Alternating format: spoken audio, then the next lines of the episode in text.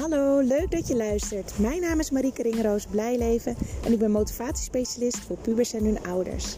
En het is mijn missie om het aantal pubers dat onnodig moet afstromen van niveau, dubleren of zakt voor het eindexamen terug te dringen in heel Nederland. Want een motivatieprobleem is een gevolg en geen oorzaak. In deze podcast deel ik allemaal inspiratie, tips en tools zodat je thuis direct ermee aan de slag kan.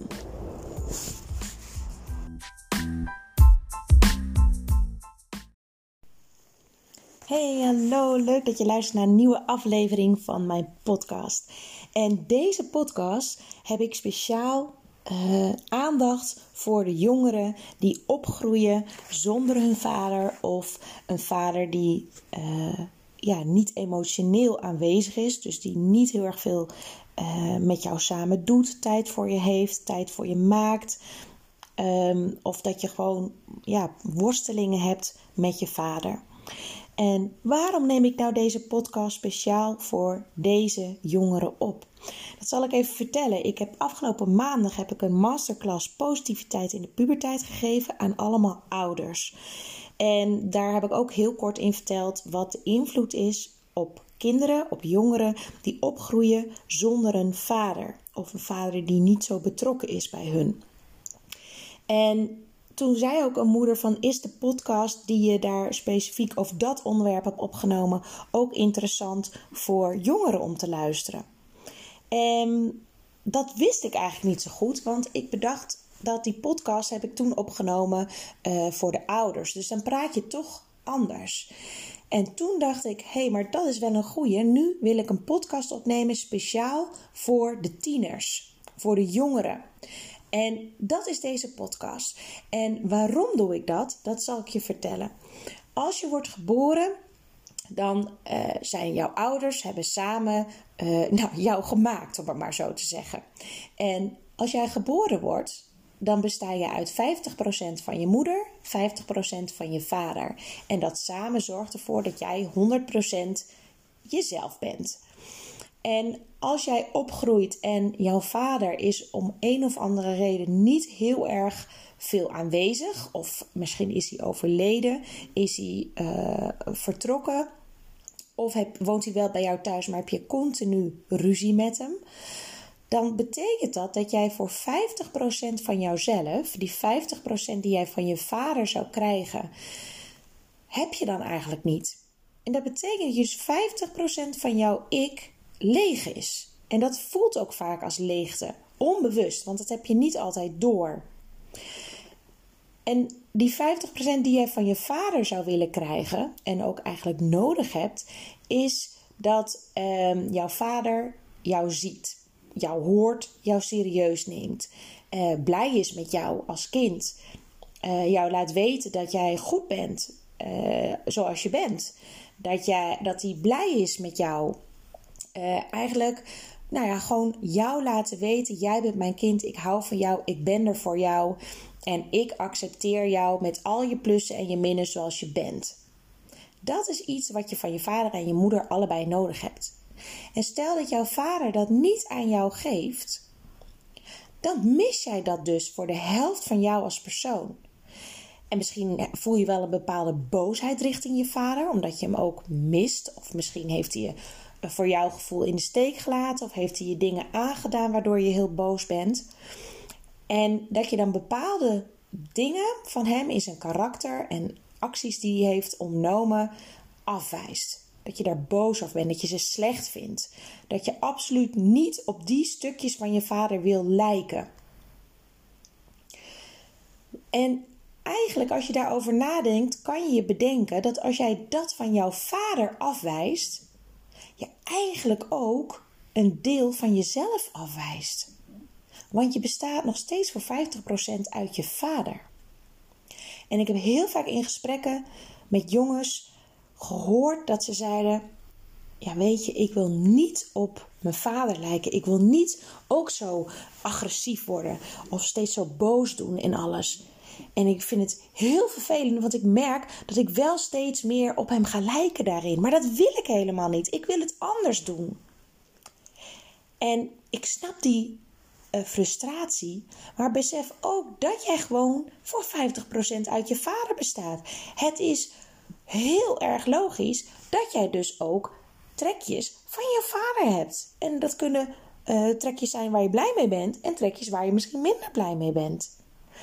Maar stop met het afwijzen van je vader en daarmee ook het afwijzen van een stuk van jezelf. Wat namelijk het gevolg is van uh, die 50% afwijzing en het, het gemis van je vader zijn betrokkenheid, is dat jij bewijsdrang ontwikkelt. En met bewijsdrang bedoel ik dat jij heel erg het idee hebt dat jij aan de mensen, aan de buitenwereld, moet laten zien dat jij er bent. Dat jij ertoe doet, dat je iets waard bent, dat je echt wel ergens goed in bent. Met bepaald gedrag kan je eigenlijk een soort van schreeuwen: zie mij dan, kijk naar mij, hoor mij, neem mij serieus. En met dat bepaalde gedrag bedoel ik onder andere heel veel geld willen verdienen. Heel veel jongeren, vooral jongens, die te maken hebben met een uh, afwezige vader, willen graag stinkend rijk worden, heel succesvol worden, een hele hoge baan bijvoorbeeld krijgen, status, waardoor ze het idee hebben: ja, maar dan ben ik het waard. Dan heb ik het gemaakt in mijn leven. En dan zullen mensen mij ook zien, horen en serieus nemen. Dus in plaats van ambitie, dus echt ergens voor willen gaan en daar heel goed in worden, sla je het helemaal om naar bewijsdrang. En ik kan je vertellen, wat je ook bereikt met die bewijsdrang, het vult die leegte van het gemis van de erkenning van jouw vader niet op. Want datgene wat je mist, mis je van je vader. De liefde van je vader, de aandacht van je vader, de waardering van je vader.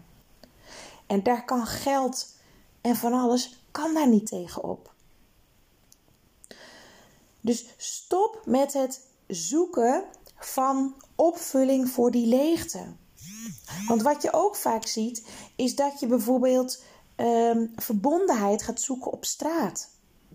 Dat je met een groep jongens en meiden op straat gaat hangen. Misschien doe je zelfs soms wel uh, ja, van kattenkwaad tot criminaliteit dingen die niet oké zijn. En waarom? Omdat je het idee hebt dat je erbij hoort dat die groep jou ziet. Je voelt het misschien wel een beetje als familie. Je krijgt erkenning. Je wordt gezien, serieus genomen en gehoord door die vriendengroep. En die vriendengroep past niet voor niks zo goed bij jou. Want het is heel erg vaak zo dat die jongeren die heel veel op straat zijn, of in die criminaliteit zijn beland, of zelfs in de jeugdgevangenis zit, te maken hebben met een emotioneel afwezige vader. Dat kan zijn dat je ouders gescheiden zijn. Dat je je vader nauwelijks ziet. Het kan zijn dat je vader naar het buitenland vertrokken is. Het kan zijn dat je vader gewoon nog bij jullie thuis woont, maar heel veel werkt. En daardoor niet aanwezig is en s'avonds moe en eigenlijk geen tijd heeft voor jou. Het kan van alles zijn. Dus denk eens bij jezelf na. Als jij de vrienden waar jij je fijn bij voelt in je hoofd neemt. Hoeveel daarvan hebben te maken met een emotioneel afwezige vader? En wonen bijvoorbeeld alleen maar met hun moeder. Dat zijn er vaak heel erg veel.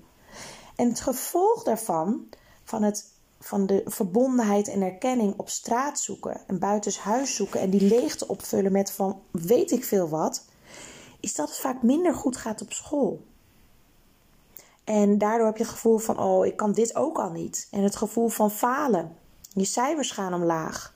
Je krijgt steeds meer ruzie op school en thuis. Want ook grenzen is een, een, een worsteling van jongeren die opgroeien zonder vader. En grenzen in de zin van ehm, weten tot hoe ver je kan gaan. Wanneer is iets oké en wanneer niet? Je stapt makkelijker over de grenzen heen als je die niet hebt geleerd. En ook is het vaak zo dat deze jongeren meer moeite hebben met autoriteit. Dus met um, docenten, politie, um, als je een bijbaantje hebt met je leidinggevende, dat je continu in discussies en ruzies belandt. Niet omdat je dat wil, maar omdat je moeite hebt met de autoriteit. allemaal gevolgen daarvan. En heel vaak is het zo dat jongeren helemaal niet bewust zijn van de invloed van het gemis van hun vader. Van het gemis van de aandacht en liefde en erkenning van hun vader. Dan denk je, ja, oké, nu weet ik dit allemaal, maar ik haal mijn vader niet meer terug. Die kan ik ook niet veranderen. Wat kan ik doen zodat ik me wel blij voel en dat die leegte wordt opgevuld en, en weet ik veel wat? Want ik ga dat niet van mijn vader krijgen. Nee, en dat kan heel verdrietig zijn, inderdaad, als je daar bewust van bent. Maar het belangrijkste wat jij kan doen, is ten eerste je vader accepteren zoals hij is. Met al zijn plussen en zijn minnen. En dat klinkt veel makkelijker dan het, dan het is, hè, makkelijker gezegd dan gedaan. Maar het is belangrijk. Waarom? Omdat als je je vader volledig accepteert, dat jij jezelf ook volledig accepteert. En dat je ook veel meer liefde gaat voelen voor jezelf. Want besef wel dat jouw vader jou heeft gegeven wat hij kon en wat hij kan. En dat betekent niet dat hij niet van je houdt. Het is heel goed mogelijk dat de vader van jouw vader precies zo heeft gehandeld als hij nu. Want weet jij wat de relatie is van je eigen vader met zijn vader en met zijn moeder? En vaak zeggen we dan: wij gaan het anders doen dan onze eigen ouders. Maar zonder dat we het doorhebben, doen we heel vaak toch weer hetzelfde. En hoe frustrerend is dat? Want je wil het tenslotte beter doen dan je eigen vader. En als je dan merkt dat je toch weer het doet zoals jouw vader heeft gedaan, dan voelt het als falen. En dat is hetzelfde gevoel voor jou. Als jij dingen herkent van je vader in jezelf. En dat je daarvan baalt en dat je daar verdrietig en boos om wordt, omdat je dat niet wil. Maar weet dat je vader alles geeft wat hij kan. Er is een reden dat hij het niet voor elkaar krijgt. Het heeft niks, maar dan ook werkelijk niks met jou als kind te maken. Het heeft eerder te maken met zijn eigen verleden. Met de band van zijn eigen, met zijn eigen vader, met zijn eigen moeder. Dus dat is interessant als je dat nog niet weet, hoe die band was, om dat eens uit te zoeken, om dat eens na te vragen aan mensen die dat wellicht kunnen weten. Dan ga je dingen begrijpen en dan wordt het accepteren van je vader zoals hij is behapbaarder. En dat is eigenlijk de belangrijkste stap. Het accepteren dat je vader is zoals hij is en begrijpen wat ervoor heeft gezorgd dat hij is zoals hij is. En dat zal al veel meer rust geven en veel meer liefde en dat zal die leegte uiteindelijk gaan opvullen. Want daardoor ga jij zelf ook steeds meer beseffen dat jij oké bent. Jij bent 100% oké, no matter what. En dat mag je gaan geloven en voelen. Mocht je nou denken, ja, allemaal leuk en aardig, maar ik heb, ja, ik heb hier inderdaad last van en ik herken dit en wat moet ik hier nu mee doen? En je wil daar eens over praten, neem gerust contact met mij op. Ik wil heel graag je verder helpen. Ik heb al heel veel gesprekken gehad met jongens die hiermee te maken hebben. En het gaat echt beter met deze jongens. Dus heb vertrouwen erin. En zorg ervoor dat je er wat mee doet. Want echt, het kan. Yes, ik hoop dat je wat aan deze podcast hebt. En dat je veel meer rust gaat voelen. En dat je gaat begrijpen waar je eigen gedrag vandaan komt. En waar het gedrag van jouw vader weer vandaan komt. Zodat je dat veel meer kan accepteren. Yes, fijne dag. Doei doei.